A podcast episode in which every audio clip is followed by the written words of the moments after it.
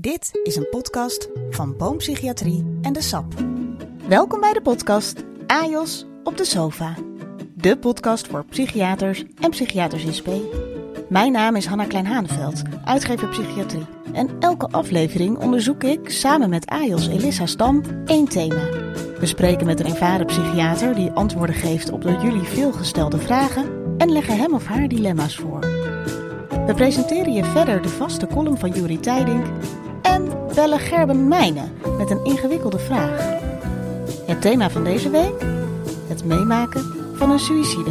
Je denkt dan als leek, wat ik toen natuurlijk was, wel, eh, nou ja, die maken dit natuurlijk vaker mee en eh, je went daaraan. Maar dat is echt zo niet waar. Nee, Nee, dat went dus niet. nee helemaal niet. Nee. Nee. Ik heb bijna een beetje het idee, toen ik in de psychiatrie begon, we zijn best vermijdend met z'n allen. We zijn zo goed eh, getraind in het leren ontdekken wat je eigen emoties zijn. Die even opzij te zetten of juist in te zetten. Hè, als instrument te Ja. gebruiken, dat we bijna niet meer goed hulp kunnen vragen. Hanna, zijn we weer. Yes, inderdaad. Weer in een andere stad. Weer in een andere stad. Een badse reis voor jou. Heb je het allemaal wel kunnen vinden? Absoluut. Je hebt tegenwoordig daar hele goede tools voor, hè? dus je komt overal. Ja, en daar gaat niks boven Groningen. Zo is dat. Dus we zitten in Groningen, in het eh, UMCG, op de afdeling psychiatrie. En waar, met wie gaan we vandaag praten, Elissa? Ja, dat is een goede vraag. Het is eh, vooral ook een persoonlijke gast voor mij. Omdat ik een half jaar lang onder haar bezielende vleugels de ouderenpsychiatrie heb mogen ontdekken. En eigenlijk dat eh, bezielende en dat bevlogene, dat komt in meerdere aspecten bij haar naar boven. Ik heb haar kunnen leren kennen als een supervisor met een hart op de tong. Met eigenlijk een eh, voorliefde voor zowel de natuur, als ik haar laatste Twitterbericht mag geloven, als voor reizen. En eh, om het eigenlijk allemaal af te maken, en ik ben ook wel benieuwd zo meteen naar de link tussen die twee, heeft zij ook gewerkt als vliegenierarts bij de luchtmacht. En ik denk dat dat wel heel passend is in dat opzicht bij ons onderwerp, want vaak wordt gezegd we kunnen alles leren van defensie. Hoe dat in dit geval ook toepasbaar is of juist niet. Dus ik wil je graag voorstellen aan Martje Grootaerts, oudere psychiater eh, hier bij het UCP. Wow, mooie intro, Elisa, dankjewel. Nou, graag gedaan. En eh, wat leuk en eh, in die zin ook wat dapper dat je hier durft te zijn. Want het is natuurlijk eh, best een eh, onderwerp. Zeker, we gaan het vandaag hebben over het meemaken van een suïcide. Dat we jou gevraagd hebben, blijkt al dat jij dat eh, eh, meegemaakt hebt. Daar gaan we het straks uitgebreid over hebben. Maar we hebben eerst even een vraag van een AIOS, die is ingestuurd eh, via het net.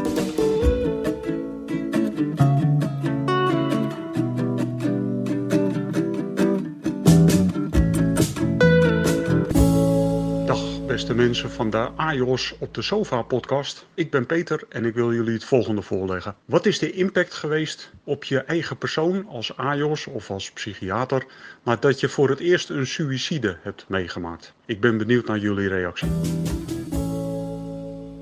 Wow, wat een brede vraag. Ja, dat is inderdaad een brede Ja. vraag. Ik denk dat het wel. eh, hè, de- we, we zagen ook op, eh, op social media dat hier eh, het meeste interesse voor was onder de AIOS. Maar we kunnen misschien beginnen, want het is, het is inderdaad wel een erg brede vraag. Misschien kan je er een beknopt antwoord op geven, maar we komen er ongetwijfeld nog meer op terug in deze aflevering. Ja, de impact is natuurlijk tweeledig. Enerzijds emotioneel, hè? Wa- Wat, wat is de impact, wat doet het met je? En aan de andere kant ook, hoe beïnvloedt het ehm, je werk inhoudelijk, denk ik. Hè? Hou je er rekening mee bijvoorbeeld? Emotioneel doet het van alles. Het hangt heel erg af van de patiënt en ook van, het, van de suïcide en het moment en de manier waarop. Dat, ik heb een suïcide meegemaakt als ANIOS, als AIOS en als psychiater. En die waren alle drie heel anders.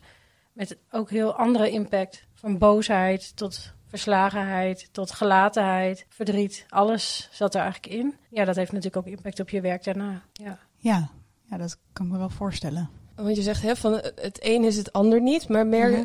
heb je gemerkt dat nadat je het voor de eerste keer hebt meegemaakt. Dat, of nou laat ik de vraag anders stellen. Hoe heeft het je veranderd ook als persoon in je eh, dan psychiater zijn of eigenlijk dan nog psychiater willen worden? Ik denk dat ik heel erg probeer een psychiater te zijn die heel eh, oprecht betrokken is. Eh, dus een stukje van mezelf natuurlijk ook meeneem. En dan is een suïcide best heel ingewikkeld. Eh, omdat je je toch elke keer dan afvraagt, is die afstand voldoende? Of was de afstand misschien te veel geweest? Eh, neem ik mezelf te veel mee in de therapeutische relatie? Of juist onvoldoende? Dus ja, ik weet niet of, dit, eh, of je snapt wat ik bedoel, maar het is... je vraagt je bij de, de volgende patiëntencontacten wel af... moet ik betrokkener zijn of juist misschien wat minder? Dus die afstand nabijheid, zeg maar, die natuurlijk heel relevant is sowieso in ons werk. Waar je echt heel persoonlijk je weg in moet vinden. Die ehm, is bij elke suïcide, ga je daar opnieuw over nadenken. Maar was er bijvoorbeeld, want je zei je hebt een uh, suïcide meegemaakt toen je anios was. Mm was dat bijvoorbeeld de reden dat je ging twijfelen van ja, wil ik eigenlijk wel psychiater worden? Of was het een soort bevestiging van uh, nee, nou weet ik het zeker, ik moet... Ja, ja, dat was voor mij juist heel erg een bevestiging. Je zei terecht, uh, ik kom uit de, de, de defensiewereld, zeg maar. Daar was ik algemeen militair arts, dus je bent dan een soort van huisarts, een soort van bedrijfsarts, een soort van spoedeisendhulparts, van alles een beetje. En dat is echt hartstikke leuk. Je hebt daar wel te maken met een relatief gezonde populatie, met ook heel veel oefensituaties. Ook af en toe tijdens uitzendingen natuurlijk met echte situaties. Maar uh, met name oefensituaties en situaties waarin iedereen echt gewoon heel gezond is. En juist die eerste suïcide maakte dat ik me realiseerde hoe uh, ziekte ook een enorme leidersdruk en leiderslast met zich meeneemt. Die ik helemaal niet kende vanuit Defensie. Weet je, daar had je natuurlijk echt enorme pech als je een ingegroeide teennagel had en je moest op oefening. Ja. Of je mocht niet mee op uitzending omdat er eerst iets aan moest gebeuren. En dat was voor diegene echt vreselijk. maar dat was het. En uh, een suïcide op het moment dat je een jong gezin hebt bijvoorbeeld. Ja, dat is, dat is echt een hele andere orde. Dat, dat was echt een eye-opener. Ja, ik dacht, ik zit, ondanks dat het natuurlijk zo vreselijk is, dacht ik wel, ik zit hier op de goede weg. Dus je zegt eigenlijk, het was een soort kantelpunt van uh, klein leed, maar wat misschien voor een militair groot zou zijn, van wel mm. niet uitzending, naar eigenlijk een heel ander, uh, andere kant van het spectrum. Ja, ja. Ja, iets wat ik. Ik heb tien jaar bij Defensie gezeten, daar natuurlijk nog nooit zoiets meegemaakt. En ik werkte daar in een forensische setting, waar sowieso alle patiënten echt heel ziek waren. En ook allemaal een complex aan stoornissen had waar je u tegen zei. Dat was voor mij een totaal nieuwe wereld, die me wel heel erg aansprak. Dus ik dacht, dit is eigenlijk op het hele spectrum van ziektes die je kunt hebben, helemaal de andere kant. En uh, ja, daar was ik ook echt aan toe. Dat had ik tien jaar, tien jaar daarvoor ook echt niet gekund, bijvoorbeeld. Die hele complexiteit en dat, onoverzichtelijke wat psychiatrische patiënten soms met zich meebrengen. Zeker in de forensische praktijk. Maar na die suïcide wist ik zeker van ja, dit, uh, dit raakt me. Dit is iets wat, uh, ja, waar ik wel mee door wil. Kun je ons misschien iets vertellen over hoe dat ongeveer ging? Een soort casusbeschrijving eigenlijk voor onze beeldvorming. En zodat we ook een beetje kunnen begrijpen wat er dan met jou als behandelaar gebeurde op dat moment? Nou, het was een beetje gek, want ik zat daar nog maar een week als anios en ik kwam dus van Defensie. Dus ik wist eigenlijk helemaal nog niks. Maar het was vrijdag eind van de middag. En uh, nou ja. Klassiek, in de psychiatrie. Bijna iedereen was weg, behalve die jongste anios. en toen werd er een soort van spoed um, patiënt werd er aangemeld die eigenlijk niet per se bij ons hoorde, maar op dat moment wij de enige plek hadden. En um, er was een fors delict gepleegd. En een patiënt die in een, een gezinssituatie zat die vergelijkbaar was met de mijne op dat moment. Dus ik, ja, ik wist eigenlijk niet zo goed wat ik moest verwachten. Ik, ik, als toen dat DAI-busje zeg maar voorreed, dacht ik, nou, hier komt een soort van monster of zo uit. Hè? Met uh, het enige wat ik wist van mensen die uh, levensdelicten pleegden, dat waren natuurlijk van uh, tv-series. Dus ik, ik had een soort van monster verwacht. En vervolgens komt er iemand uit dat busje stappen die, ja, gewoon een mens blijkt te zijn. En, buurvrouw, dat, bij wijze van spreken. Ja, buurvrouw, buurman. Echt iets, iets heel vergelijkbaars, zeg maar. dus daar schrok ik een beetje van. Maar het maakte me ook nieuwsgierig. En um, nou, in het begin moet zo iemand in beperking, dus die moet verplicht in een separeer zitten. Wat op zich, denk ik, vanwege het hoge suïciderisico ook uh, heel terecht was. Alleen op een gegeven moment moet je natuurlijk toch ook die deur openzetten. En moet je steeds een risico-inschatting maken tussen... als ik de deur openzet en ik laat iemand toe op de afdeling... is de kans op suïcide natuurlijk groter. Maar op het moment dat ik die deur niet openzet... en voor de veiligheid hou ik iemand in de separeer... wordt ze steeds zieker of wordt hij steeds zieker. Dus dat is natuurlijk een hele ingewikkelde afweging. Dus toen de beperkingen eraf mochten en het aan ons was of diegene weer terug kon of door mocht, zeg maar, naar de afdeling, uh, hebben we het daar heel erg met het team ook over gehad. En um, nou, dat bleef natuurlijk hoog risico. Maar hebben we er toch voor gekozen om uh, de patiënt naar de, de, afdeling te laten gaan. En uh, twee weken daarna vond de suïcide plaats. En het was eigenlijk op het moment dat ik, ik het niet meer zo verwachtte, omdat ik toen zo weinig wist van psychiatrie, maar ook niet realiseerde dat op het moment dat iemand langzaamaan op lijkt te knappen, dat dat altijd het risicomoment ja. is. Ja, dat, daar, daar trap je als aniels in, maar daar trap je als psychiater ook nog wel eens in. Hè. Je bent dan zo opgelucht dat iemand lijkt op te knappen. En dan verslapte aandacht. Maar goed, in dit geval wisten we dat het risico sowieso hoog zou blijven. Maar ik had het gewoon niet zo verwacht. Dus 's ochtends kwam ik op mijn werk en toen stonden er allemaal politiewagens. En eh, had mijn supervisor, die zat al te wachten tot ik kwam om te vertellen wat er gebeurd was. En ehm, ja, was ik eigenlijk een soort van lam geslagen en ook gelaten. Oh ja, dus, dus toch, we hadden het soort van verwacht, maar het was voor mij iets heel abstracts. Ik had nog nooit zoiets meegemaakt. En eh, ja, En, en eh, hoe, hoe ging dat dan? Want jij kwam naar binnen en waarschijnlijk gingen er al alarmbellen af eh, van... nou ja, ja, dat is gebeurd op mijn afdeling. Precies, dus je gaat al koppen tellen van, nou, wie zou het kunnen zijn? Mhm. En je ziet je supervisor, je gaat zitten en dan, want je zegt lam geslagen, gelaten. Ja, hij zei, ik moet je wat vertellen.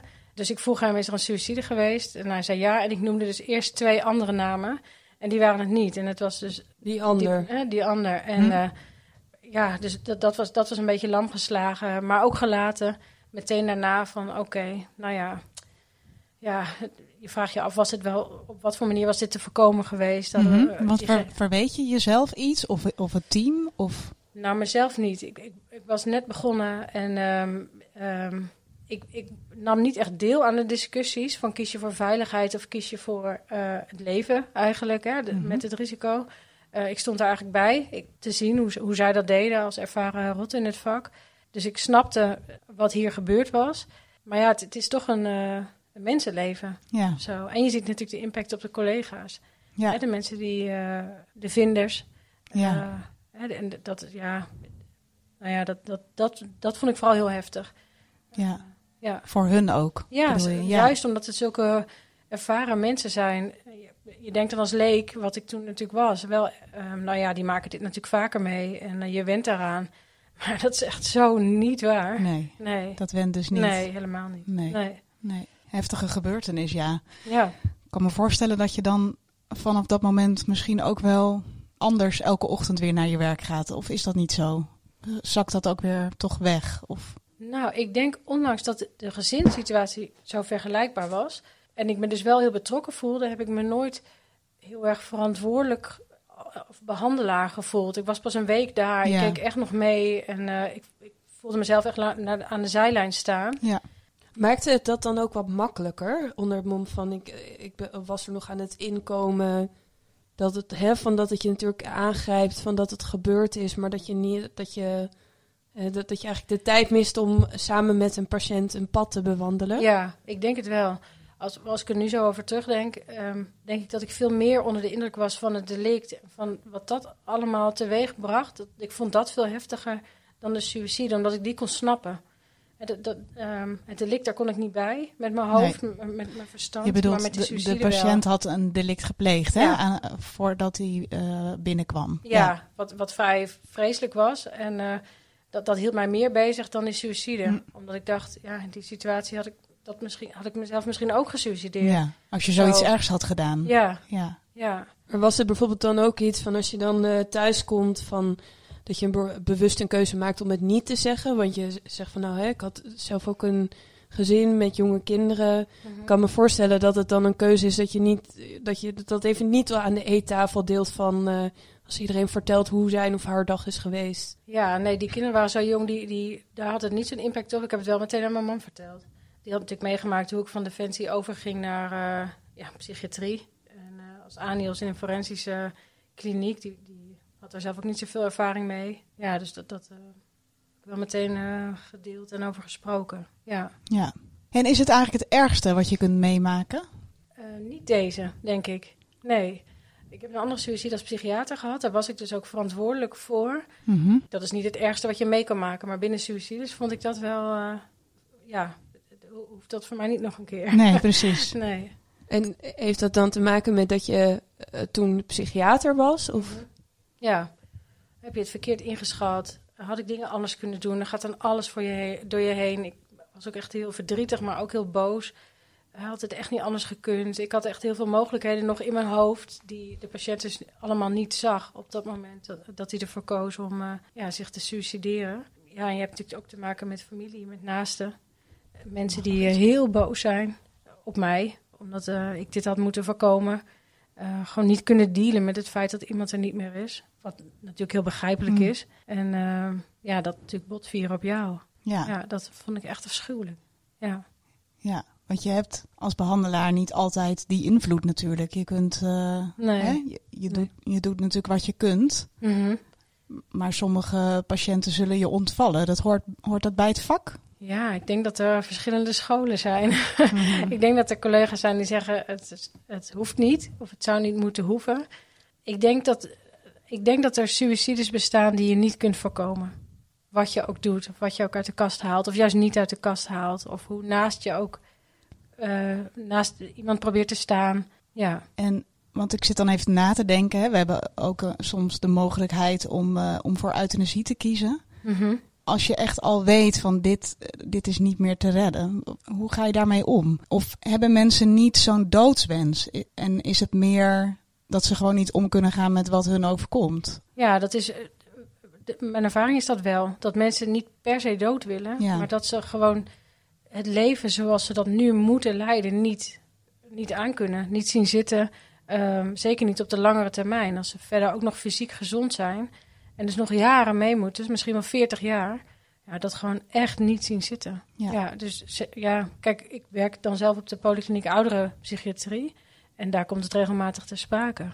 Als een behandeling niet- geschikt is of ehm, alle behandelingen zijn geprobeerd, Ja, en er is echt geen uitzicht meer op eh, verbetering. Nee, precies. Hm. En ehm, soms kan het ook heel erg steunend zijn als je dat met iemand bespreekt. Van goh, hè, er is altijd een mogelijkheid om, ehm, om met elkaar te kijken of euthanasie een optie zou kunnen zijn of eh, hulp bij levenseinde.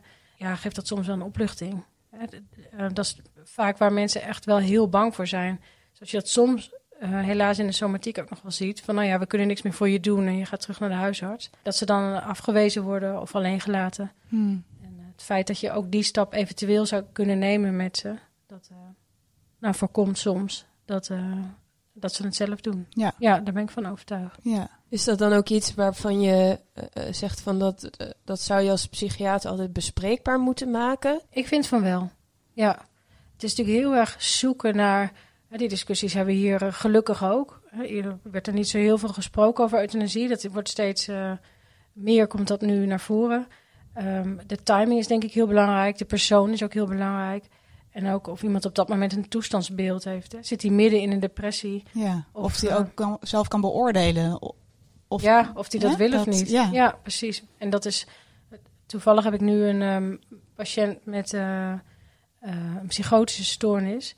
Die chronisch psychotisch is. maar desondanks vind ik wel wilsbekwaam. Die Mhm. nu heel erg aan het nadenken is over ehm, euthanasie of niet.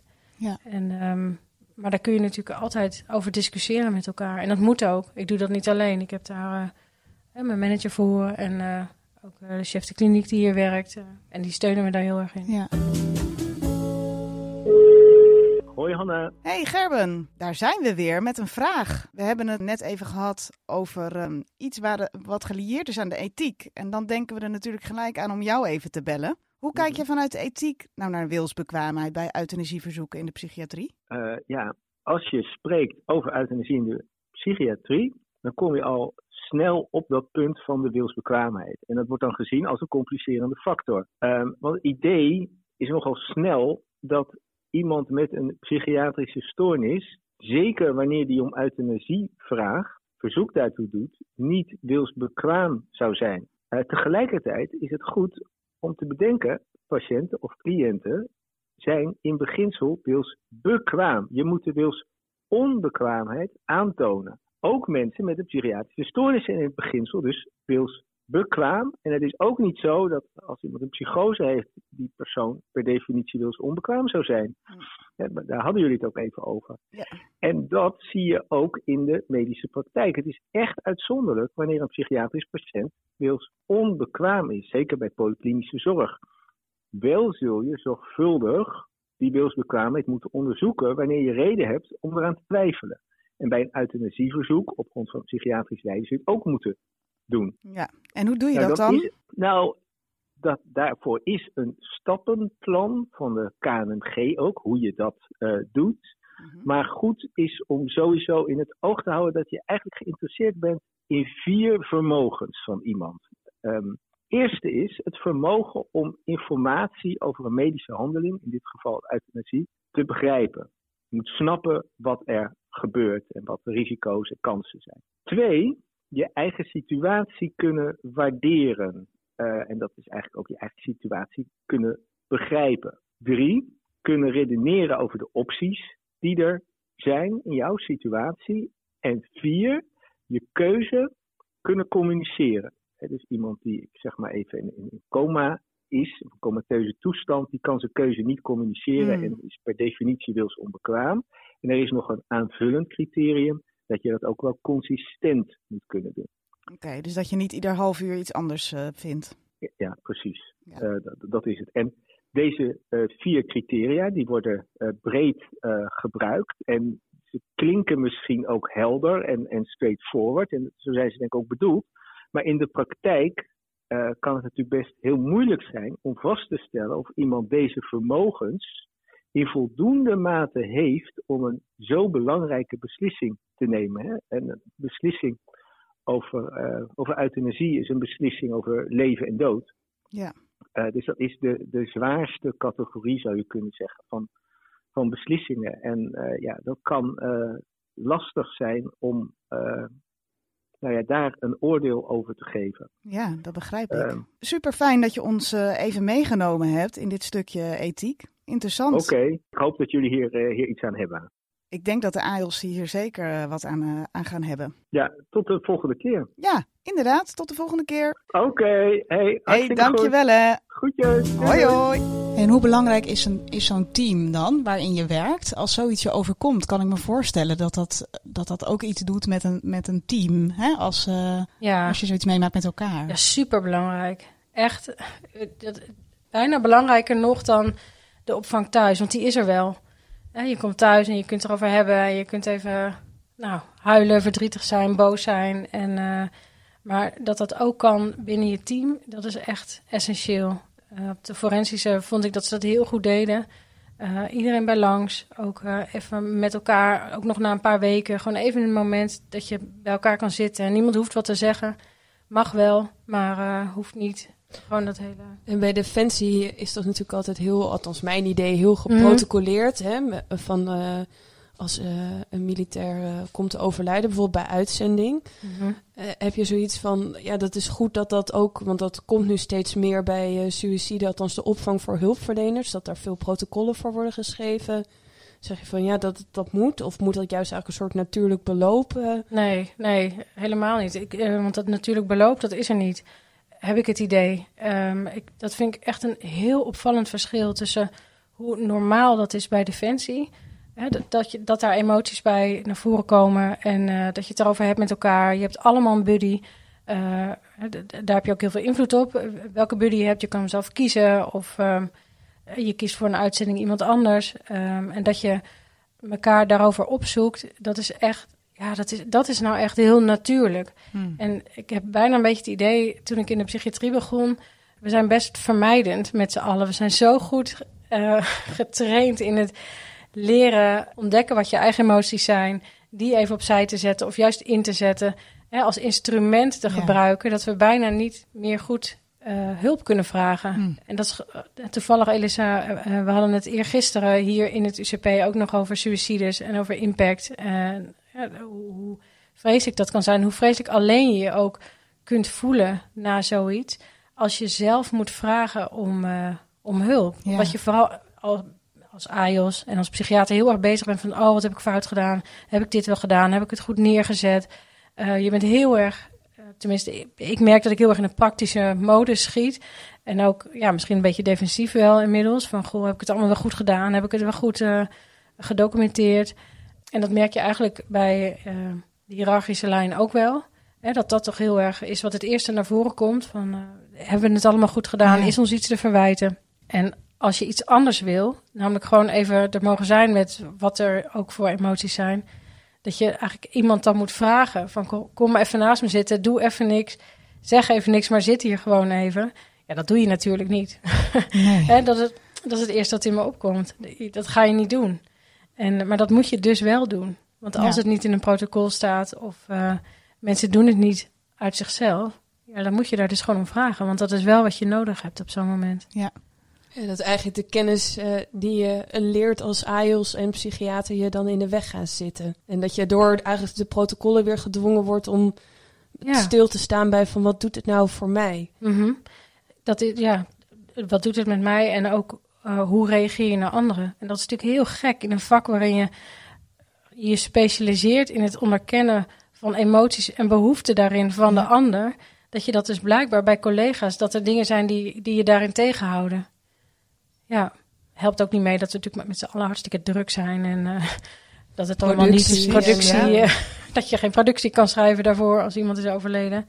Maar eh, dat realiseerde ik me na dat we het erover hadden met z'n allen eergisteren. Ik denk, misschien moeten we dat gewoon in toch een protocol zetten. Stap 1, steun elkaar. Ja, Hè, en ga langs. Ja. Stuur niet even een mail van, joh, heb je nog wat nodig? Nee, maar echt intermenselijk contact. Precies, Ja. ja. En hoe was dat voor jou toen je de stap maakte eh, naar psychiater? Want het is wat jij zei, hè, Hanne. Dan, dan heb je een team en dat team heb je natuurlijk nodig voor jezelf. Maar je gaat in een van eh ANIOS of AIOS naar een van de eindverantwoordelijke, namelijk Mhm. psychiater. Ja, Ging dat vanzelf? Of dacht je ineens, oh, wat, nu heb ik hè, een, een, een do- jonge dokter waar ik ook iets mee moet? Ehm, je bedoelt tijdens die, eh, toen met die, suicides? Ja, van, en de nazorg daarvoor. Want Mhm. vaak kom je natuurlijk ook eh, samen eh, in de, afwikkeling daarvan. Ja, ja mijn AIOS eh, ehm, in de suïcide, die heel vervelend eindigde omdat de familie ontzettend boos was. En er nog heel veel nagesprekken volgden ook. En ook het verslag heel minutieus gemaakt moest worden, omdat er nog van alles achterweg zou kunnen komen. Daar was de um, AIOS die ik toen had naar een andere stage bij een andere instelling. Dus want mijn eerste idee was natuurlijk, dan kan die AIOS het verslag even doen. Dat maar dat zat er dus niet in, nee. En ehm, we hebben elkaar nog wel een paar keer gesproken, want het heeft op hem toen ook best wel wat impact gehad.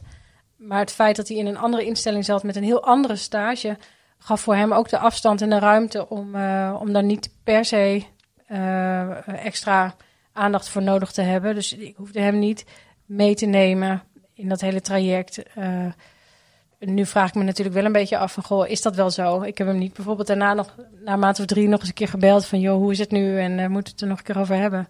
Ehm, had ik misschien wel kunnen doen, misschien wel moeten doen. Bij een andere suïcide was dat, was dat veel lastiger. Dat was een uh, suïcide waar de AIOS heel veel uh, zorg over had gehad. Mhm. Mm -hmm. um, en er ook wel discussies waren tussen ons uh, van ben je niet te betrokken? Doe je niet te veel voor die patiënt? Hè? Moet je dat uh, op deze manier doen of kun je het misschien iets meer loslaten? En dat, dat is natuurlijk heel naar. Als iemand, als iemand zich dan suicideert, heb je toch het gevoel, heb ik wel genoeg gedaan?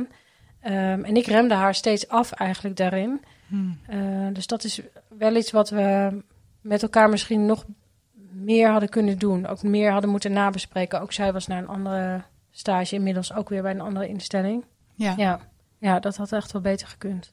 Ja. Dus dat heb je inderdaad ook nog.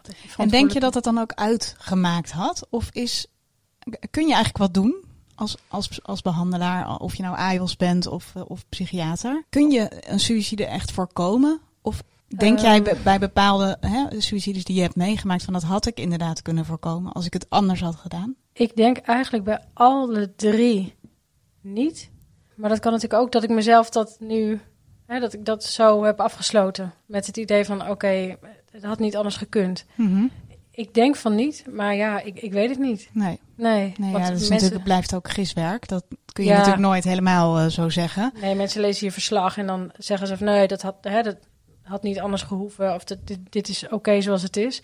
Maar ze waren er niet bij in het voortraject. Dus misschien, ja, hebben we wel dingen laten vallen. Of heb ik dingen laten vallen. Dat is natuurlijk wel um, de twijfel waar je altijd... Ja, het klinkt nu wat zwaar, uh, zwaar, maar de twijfel waar je natuurlijk altijd wel mee leeft. Van, Mm-hmm. had het anders... Als ik het anders had gedaan, had ik dan wat kunnen voorkomen? En uh, Ja. uh, had ik dan een, of had ik een betere dokter moeten zijn? Ja, dat, eh, ik denk naarmate je vaker ehm, te maken hebt met suicidaliteit die niet eindigt in een suïcide, ehm, wordt die weegschaal wel weer, komt die weegschaal wel weer in balans. Want in het begin ga je natuurlijk bij alles afvragen, hè, bij iedereen met suïcide-ideaties, van ho, hoeveel risicofactoren zijn er? Moet ik diegene niet eh, eh, wekelijks gaan zien? Of moet ik een verpleegkundige erbij betrekken, zodat we iemand nog vaker kunnen zien? En ja, die balans moet zich gewoon weer een beetje herstellen, weer wat normaliseren. Ja, voor door positieve ervaringen eigenlijk Ja, daar precies. tegenover. Ja, Ja, ja, dat is dan eigenlijk een soort bevestiging ook voor jou als behandelaar misschien van Het kan ook anders lopen. Het kan ook anders lopen. Mhm. Of de manier waarop ik het doe, kan er ook voor zorgen dat iemand toch anders beslist. Ja. Ja, ja, dat is echt wel heel belangrijk. ja, ja. Meer nog denk ik dan dat je verslag wordt goedgekeurd en dat er een stempel opkomt van eh, niet verwijtbare problematiek of zo. En dan gaat het de kast in. Ja, Ja. Juist dat je zelf eh, die ervaringen krijgt van, eh, oké, ja, mensen het houden het ook nog wel eens vol. Met Ja, jou als precies. dokter, het Ja. Hey, en we hebben het nu heel erg over jou als psychiater en wat het met jou gedaan heeft als psychiater. Maar verandert het jou ook als mens? Kijk jij anders naar eh, je omgeving of als je naar het journaal kijkt of wat dan ook? Ver- verandert dat ook? Nou, ik mag me gelukkig prijzen. ik klop het even af. eh, dat er niet mensen heel ziek zijn in mijn omgeving waarbij ik echt die, mezelf die vragen moet stellen. Je hoort natuurlijk allemaal dingen in het nieuws. Met Joost Zwagerman, Anthony Kamerling, mensen die zich suicideren. Dat je dan natuurlijk nu wel beroepshalve afvraagt van... goh, hè, wat, wat zou daar gespeeld hebben? Zou er een psychiatrisch toestandsbeeld hebben gespeeld... of een psychiatrische ziekte? Mhm. Maar dat is echt een beetje de, de psychiater in mij. Ik geloof niet dat het me als mens echt veranderd heeft. Nee. Dat Nee. je niet somberder gemaakt of ehm, neerslachtiger over, ehm, ja, over de wereld of over. Nee. Nee, het drukt je wel steeds op de feiten hoe, hoe eh, beperkt je mensen maar kan helpen Hmm, soms. ja. En ehm, ik denk dat dat wel een van de redenen is dat het goed is dat ik dit pas later ben gaan doen. En niet toen ik net klaar was met mijn kooschap en eh, dacht eh, ik ga de hele wereld redden. Ja. Ja, dat, eh, nee, dat, Dus dan, is, is dit ook eigenlijk een vak van wa- waar je eerst levenservaring voor moet hebben, wil je overeind blijven? Of Hmm, dat is wel een leuke vraag, Elissa. Ik denk niet dat je levenservaring nodig hebt. Eh, ik denk wel dat je oprechte nieuwsgierigheid nodig hebt. Dat je echt moet willen weten, hoe zit het nou bij diegene tegenover me? Ik heb ook het gevoel, mensen die misschien wel tegen een burn-out aanzitten... of, of die eh, het heel zwaar hebben op hun werk of in hun privéleven... en dan die nieuwsgierigheid verliezen... dan verlies je ook het contact met je patiënt. Is mijn idee. Zijn ook collega's die, ik niet kan betrappen op nieuwsgierigheid en toch verder prima psychiaters zijn. Maar eh, ik denk dat het belangrijker is dan levenservaring. Daar ging het eigenlijk over. Ja. Oké. dus oprechte nieuwsgierigheid. En hoe is het dan, eh, want ik denk dat je heel terecht zegt, hè, van dat goede protocollen die ook natuurlijk hier in het UCP meer komen voor de opvang na suïcide heel belangrijk zijn. Maar eh, kan je eigenlijk als ANIOS of AIOS voorbereiden op als zoiets gebeuren? Hè, want eh, eigenlijk het gaat je een keer overkomen. En eh, Mhm. de vraag is misschien eerder wanneer dan of. Ja. Maar kan je erop voorbereiden? Wat ik denk dat echt heel belangrijk is, is dat je inderdaad, wat jij zegt, realiseert dat het echt er een keer van gaat komen. En dat je dan weet bij wie je terecht kan. Hmm. En dat kan een eh, mentor zijn, dat kan een leertherapeut zijn, eh, je intervisiegroepje, als je dat hebt. En als je bij jezelf merkt van, nou, ik ben iemand die moeilijk hulp vraagt, ik zou eigenlijk niet zo goed weten bij wie ik terecht moet. Dat is wel een moment om je even achter de oren te krabben, denk ik. Zorg gewoon echt dat je iemand hebt, maakt echt niet uit wie. eh, maar het liefst wel van je werk, iemand die snapt wat het is, een suïcide, waar je gewoon even binnen kan lopen. ja. Dus die steun is eigenlijk het belangrijkste, zeg jij. Ja, Dat heb jij ook zo ervaren. Ja, ja, en ja. En dan vooral in het kader van hoe kun je je erop voorbereiden. Want je kunt je denk ik niet zo goed erop voorbereiden, omdat ze zijn allemaal anders. En ehm, ze hebben allemaal weer een andere impact. Maar die steun blijft. Die, die, die, Ja, die heb je die altijd steun nodig. heb je altijd nodig, Ja. precies. En die, die moet je binnen handbereik hebben. Ja. Ja. Hey, en dus je zoekt steun bij je collega's. Is het ook slim om dan even bijvoorbeeld vrij af te nemen? Of Oh, dat is denk ik heel persoonlijk. ja? Ja, dat gold voor mij niet. Ik, ik weet nog dat ik na een van de suicides een college gaf, de dag daarna. En dat ik merkte dat het praten voor publiek, dat eh, mijn stem was heel, die brak vrij snel. En het was een groep eh derdejaars geneeskundestudenten. En uiteindelijk dacht ik, ja, ik kan beter maar gewoon vertellen wat er, wat er Hmm. speelt. En ik kreeg daar toen hele goede reacties op. Oké. En ook later nog via de coördinator, die zei dat hebben ze wel heel erg gewaardeerd. Omdat ik stond daar toevallig ook om iets te vertellen over hoe het psychiater zijn is in de praktijk. Ja, dit hoorde er natuurlijk zo bij. En ehm, ja, je staat er dan dus niet alleen maar eh, je kennis over te dragen, maar ook mens te zijn. En Ja. ik denk dat, dat dat zo belangrijk is, dat je dat op de een of andere manier integreert. Hmm, ja. Dus eigenlijk niet alleen de nieuwsgierigheid, maar ook het authentiek zijn, het dicht bij jezelf blijven. Ja, en dat kan zijn dat je natuurlijk super neutraal bent. En als dat iets is wat, wat congruent is naar de patiënt toe, omdat je zelf heel neutraal bent, dan werkt dat, denk ik. En als je dat helemaal niet bent, dan moet je dat vooral ook niet zijn. Nee, precies. Ja, Dicht bij jezelf blijven. Ja. Maar weer niet te dicht. Ja, dat is natuurlijk denk ik de, Ja. de afstand en nabijheid eh, waar je het over ja. Ja, Ik, ik ben er nog wel nieuwsgierig in, hè? want je zegt denk ik heel terecht, steun van collega's is eh, essentieel. En dat is natuurlijk ook dat je soms iets wil eh, bepraten of eh, uitspreken zonder dat je hem moet uitleggen waar je het over hebt. Mhm. Maar wat voor rol heeft dan de steun van thuis erin? Want die praat natuurlijk niet in eh, eh, vakjargon, om het zo maar te zeggen. Of hoewel meestal partners na de jaren heen eh, wel een aardig woordje mee kunnen spreken of het boek van Juri Tegen hebben wil en dank. gelezen. Precies. Ja, ehm, ik denk thuis is net zo belangrijk. En wat, wat hier speelt is, ehm, is ook niet per se vakjargon. Dit is natuurlijk iets heel menselijks wat je overkomt. En dat je iemand verliest en dat dat gewoon heel verdrietig is. Of ook heel boos kan maken. Of Mhm. machteloos. Of eh, frustrerend. Of eh, Ja. ja, gelaten. En eh, dat snappen ze echt wel. Ja. We praten zo verder, maar eerst is het tijd voor onze vaste columnist, Juri Tijding.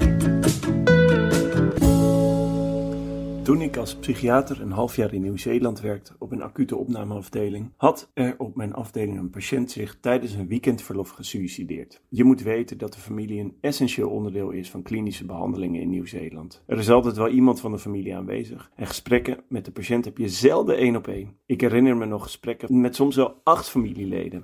In de dagen na zijn dood werd ik door de Fanau uitgenodigd om bij de begrafenisceremonie op onze afdeling aanwezig te zijn. Fanau betekent familie in Maori, de taal van de oorspronkelijke bewoners van Nieuw-Zeeland. Voorafgaand aan de ceremonie was ik nerveus. Ik voelde me niet op mijn gemak en ik was bang dat de familie veel boosheid voelde, naar mij en naar het team.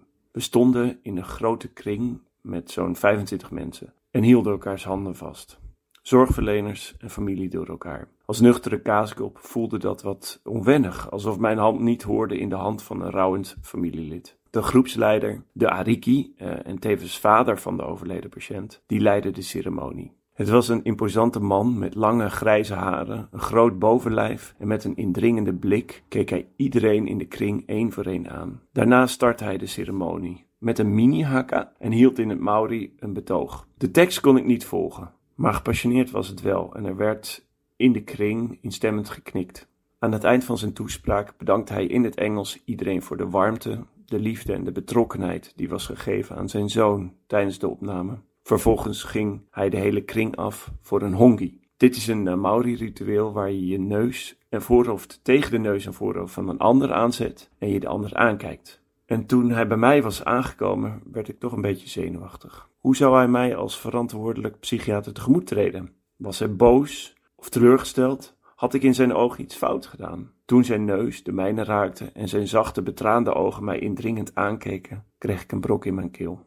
Ik voelde zijn verdriet, mijn eigen verdriet, maar ook de dankbaarheid van de man dat we hadden geprobeerd om zijn zoon te helpen. En na deze hongi kwamen ook de andere familieleden en dierbaren met mij een hongi doen. Dat kun je haast niet meer voorstellen in deze coronatijden. Maar goed, en later ontdekte ik dat de hongi is bedoeld om je te verbinden. Omdat je je adem vermengt met de adem van iemand anders, staat het symbool voor eenheid. Het was ook voor mij, en ook al was mijn verdriet zoveel minder dan het verdriet van de dierbaren, een hele waardevolle en hartverwarmende manier om mezelf en met mijn eigen emoties te verzoenen. Hierdoor kon ik de dood van mijn patiënt beter accepteren. Aan deze patiënt moet ik vaak denken. Iedere arts heeft helaas een kerkhof.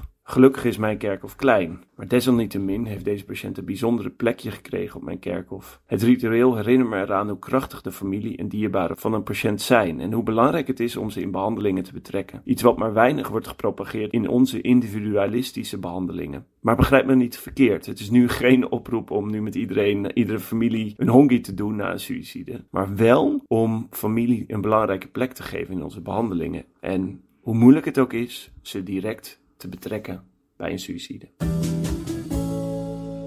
Hey, en uh, het kwam net al eventjes ter sprake, maar je hebt soms misschien ook te maken met naasten. Die, die Mhm. uh, ja, dat kan, ik kan me voorstellen dat dat heel ingewikkeld is. Hoe, Ja. hoe moet je daar nou mee omgaan?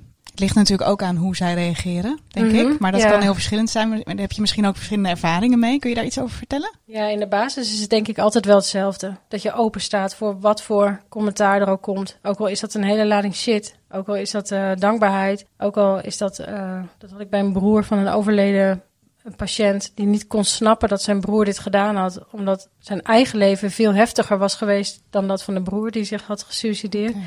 Maar die kwam een paar keer eh, gewoon praten over zichzelf. En toen was het goed. En die ene familie die eh, zo ontzettend boos was. Ja, ik denk het enige wat je kan doen is er zijn. Mhm. En op dat moment wel neutraal zijn. hoe moeilijk dat ook kan zijn. En hoe alleen je je daar ook echt in kan voelen. Als je Ja, met zes familieleden zit en je, ja, je bent de enige die, eh, die met hen in gesprek gaat. Dat, ik vond dat echt heel vreselijk. Ja, lijkt me heftig, ja. Ja, Ja, lastig. Maar misschien tegelijkertijd kan ik me ook voorstellen dat je dat naast het misschien ook nodig hebben om zich even Mhm. op jou af te reageren. Dat Ja. je dat misschien ook wel een soort van in je achterhoofd houdt. ja of niet? zeker. Ja, dat, dat is wat je steeds in jezelf zegt. Hmm. Van, hè, laat maar komen. Want uiteindelijk zijn zij natuurlijk eh, nog veel meer iemand verloren dan ik. Ik ben Ja. gewoon een passant. En zij hebben die, ehm, diegene natuurlijk jaren en jaren meegemaakt. Ja. Ja, Maar is Dus, dat eh, zo dat je echt een passant bent? Dat was misschien in de ogen van de naaste, maar iemand die je misschien jaren op de poli hebt en die ontvalt je. ja, dan vind ik eigenlijk nog steeds wel dat je een passant bent. Som- soms misschien een belangrijke passant. Soms misschien wat, meer, wat minder belangrijk. Ja, ook passanten maken wel deel uit van iemands leven. Maar je bent wel echt een passant. Ja, maar dat is misschien ook voor de ouderpsychiatrie nog wel weer meer dan... eh, als je iemand vanaf zijn achttiende meemaakt tot... eh, ik weet niet of dat nog voorkomt überhaupt in ons vak, maar 30, 40 jaar achter elkaar, bijvoorbeeld op een bipolaire poli, zou ik me dat kunnen voorstellen. Ja. Ja. Dan is het misschien weer anders dat je meer een band met iemand opbouwt nog dan... ja, ik denk wel dat je als passant ook een band kan opbouwen, maar het is wel een, professionele Ja. band. Hè, hoe heftig die ook wel kan zijn. Toevallig sprak ik gisteren een therapiepatiënt eh, van heel lang geleden, vijf jaar nadat ze uit therapie is gegaan, was een langdurige therapiepatiënt die ook wel eens op het punt heeft gestaan om zich te suicideren. En daar werd het nu over gehad. En ehm, die gaf ook aan hoe belangrijk die therapie was voor haar. En die gaat nu gewoon weer verder. Ook met Ja. haar leven. Dus je, bl- hoe, hoe belangrijk het ook kan zijn, je blijft wel een passant. Ja, Ja. Ja, zo heel wat de revue gepasseerd. inderdaad, ja. Zijn er nog eh, o- eh, dingen die jij nog zegt van... nou, ik zou dit nog heel graag aan de AJOS eh, van nu willen meegeven? Of hebben we dat eigenlijk allemaal al wel een beetje behandeld? Ehm, ik denk in dit kader van de suicidaliteit en suicides, let gewoon heel goed op je supervisoren als het gaat over suicidaliteit. En dan zul je merken dat de een heel vermijdend is, dat de ander juist heel proactief is.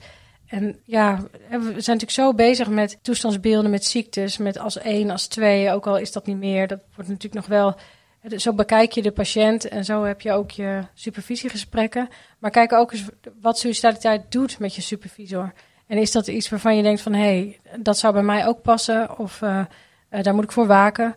Ehm, want dan kun je al wel ook een beetje gaan nadenken over wat voor psychiater word ik nou eigenlijk, ook op dat gebied. Ja. Of wat zou ik graag willen. Dus van hen leren ook. Ja, En misschien ook het gesprek daarover met ze voeren. ja als die ruimte daarvoor is. Ja, Ik denk wel dat je daar dan zelf over moet beginnen als AIOS. Want het kan natuurlijk best een ingewikkelde, ingewikkeld onderwerp zijn. zeker. Ja. Maar ehm, ja, ik had dat denk ik ook wel wat meer kunnen doen als AIOS. Ja, En dus misschien ook een taak voor huidige supervisoren die luisteren of toekomstige, om er dus eh, ook vanuit de supervisorkant over te gaan beginnen. Van, goh, Ja. heb je er wel eens over nagedacht? En weet Ja, je misschien voor- ook open te zijn over hun eigen ervaringen dan. Hè? Dat is Ja, eigenlijk wat jij zegt ook. Ja. Of als er iemand komt die heel veel dynamiek genereert vanwege suicidaliteit. Uitleggen als supervisor, waarom ga je er op deze manier mee om? Ja. Soms kan dat heel vermijdend zijn en soms kan dat een hele bewuste keuze zijn. Maar soms ben je in alle drukte je misschien niet eens meer zo bewust wat je aan het doen bent. Ja. Dan is het natuurlijk ook heel fijn om een AIOS naast je te hebben die daar vragen over stelt. ja, precies. Ja. Ja. kan je ook scherp houden. Ja, zeker. Ja. Ja. Een schone taak voor de AIOS. Zeker. Zeker. Als AIOS kan het nog, hè? ja, daarom. Straks sta je er zelf voor. Precies. Heb jij ook een dilemma voor Juri of een vraag die we aan iemand anders kunnen voorleggen? Spreek hem in via Instagram. @ails op de sofa of per mail via podcast@ailspsychiatrie.nl. Meer informatie over de podcast vind je via boompsychiatrie.nl/slash ails. Bedankt voor het luisteren en tot de volgende aflevering. Dan gaan we het hebben over supervisie. Hey Martje, ik wil je hartelijk danken voor eh, je openheid en eh, je verhaal en je ervaringen. Mooi, graag gedaan. Heel fijn, dankjewel.